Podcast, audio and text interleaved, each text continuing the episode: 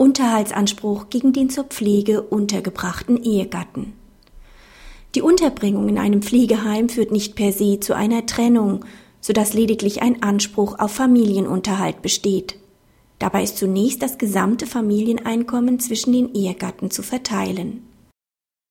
Die Ehefrau begehrt von ihrem Ehemann Unterhalt. Dieser ist dauerhaft in einem Pflegeheim untergebracht.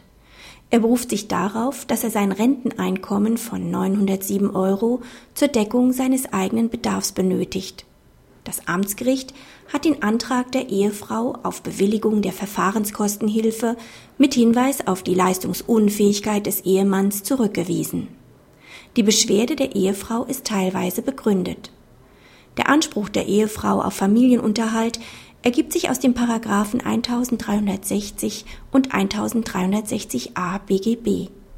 Für einen Anspruch auf Trennungsunterhalt aus Paragraph 1361 BGB fehlt es an der rechtlichen Trennung, welche allein wegen der räumlichen Trennung infolge der Heimunterbringung nicht begründet wird. Der Trennungsentschluss muss unmissverständlich erkennbar sein, sich jedenfalls aus den Gesamtumständen ableiten lassen. Beim Familienunterhalt kann der Verpflichtete seinen Beitrag nicht mit Hinweis auf seine Leistungsunfähigkeit wegen der Gefährdung seines Eigenbedarfs verweigern, denn das Familieneinkommen ist in diesen Fällen ohne feste Grenzen zu verteilen. Die strikte Aufteilung des Familieneinkommens ohne Berücksichtigung eines Selbstbehalts ist zwar umstritten und höchstrichterlich noch nicht entschieden. Im summarischen Verfahrenskostenhilfe-Prüfungsverfahren muss dies jedoch außer Acht gelassen werden. Praxishinweis.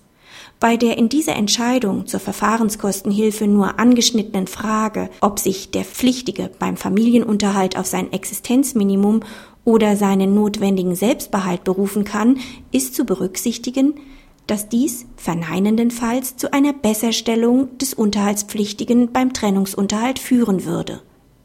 Dies scheint jedoch verfassungsrechtlich bedenklich, denn damit würde dieser in seinem endgültigen Trennungsbeschluss bestärkt, was dem verfassungsrechtlichen Ziel, Ehe und Familie zu schützen, zuwiderläuft.